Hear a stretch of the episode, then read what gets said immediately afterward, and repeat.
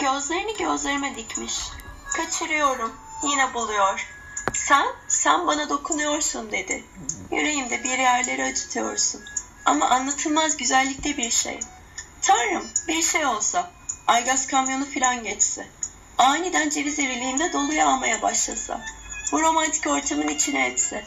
Ne oldu bu kıza? Neler söylüyor? İyi ki varsın. İyi ki. Neye benziyor biliyor musun? Eskiden kaldığın yurtta camlar içerisi dışarıdan gözükmesin diye beyaz yağlı boyayla boyanmıştı. O boya tabakasındaki küçücük bir delikten bakınca dışarıyı görüyordum ben. Hele baharda öyle güzel gözüküyordu ki. İşte seninle olmak o bembeyaz ya da siyah şeyin ortasında küçücük bahara bakan deliği bulmak gibi. İşi şamataya boğmalıyım yoksa fena olacak. Bu havada hayatta doluyamaz. Aygaz kamyonu geçeceği de yok. Kız resmen yerli film replik, replikleri atıyor. Hayır, mantarz adamım. İnanı veririm. Dökülürüm. Aşık olurum. Betonlara çakılırım. Asıl benim canım yanar. Yerli film. Evet yerli film. Oradan sıçramalı muhabbete. En ayhan ışık sesimi kullanarak hınzır bir ifadeyle ona Belgin Doruk muamelesi çektim. Misilleme olarak Yeşilçam öykülerinin değişmez repliğini attım. Bırak bu lafları kaç para istiyorsun onu söyle. 10 bin, 20 bin. Esprime güldüm. Güzel. Ardı arkasına zincirler konuyu dağıtırım. Gülmesi bitince bu da senin numaran dedi. Zırhın delinsin istemiyorsun. Hesapta hiçbir şeyi ciddiye almıyorsun. Aslında sana göre hayat kadar ciddi ve acıklı ki böyle bir numaraya gerek yok. Koy ver gitsin kendini. Gözlerime anne anne bakıyor. Güzel olduğunuz kadar da küstahsınız da bayan dedim. Ayhan ışık sesimle. Dedim ama mümkün değil. Saatlerce bana inanılmaz sevgi sözcükleri sıraladı. Ben ise ona yerli filmlerin değişmez repliklerinden attım durdum. Sırasıyla Necdet Tosun, Sami Hazinses, Cilalı İbo, Turist Ömer, Edison, hatta bir ara ayağa kalkıp ay gaz diye bile bağırdım.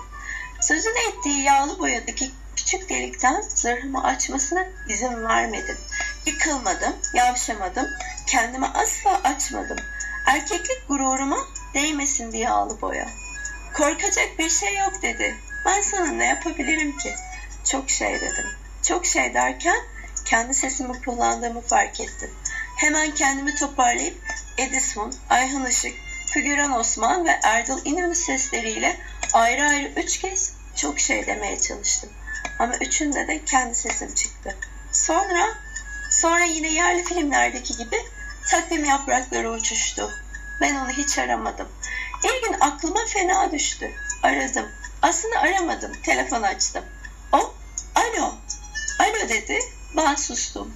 Aniden susarken bile Ayhan Işık taklidi yapıyorsun dedi. Anlamıştı. Aslında belki de tek sorun gerçekten anlamasıydı. Ne fena değil mi diye sürdürdü. İnsan hep çok sevilsin diye uğraşır, sevilince de ödü patlar. Sustum. Belki de sen haklısın. O zırh ne kadar kalın olursa o kadar iyi. Artık arama olur mu? dedi ve sakın üzülme. O öyle nalet bir zırh ki sen bile içeriden delemezsin. Yine sessizlik. Derken Belgin Doruk gibi son cümlesini söyledi. Hesapta kendini koruyordun ama yine acı çekiyorsun. Boş ver. Ne diyorlardı? Gençsin, unutursun. Genç miyim? Unutur muyum? Telefonu kapadım. Sokağın köşesinden yırtınarak bir aygaz kamyonu geçip gitti.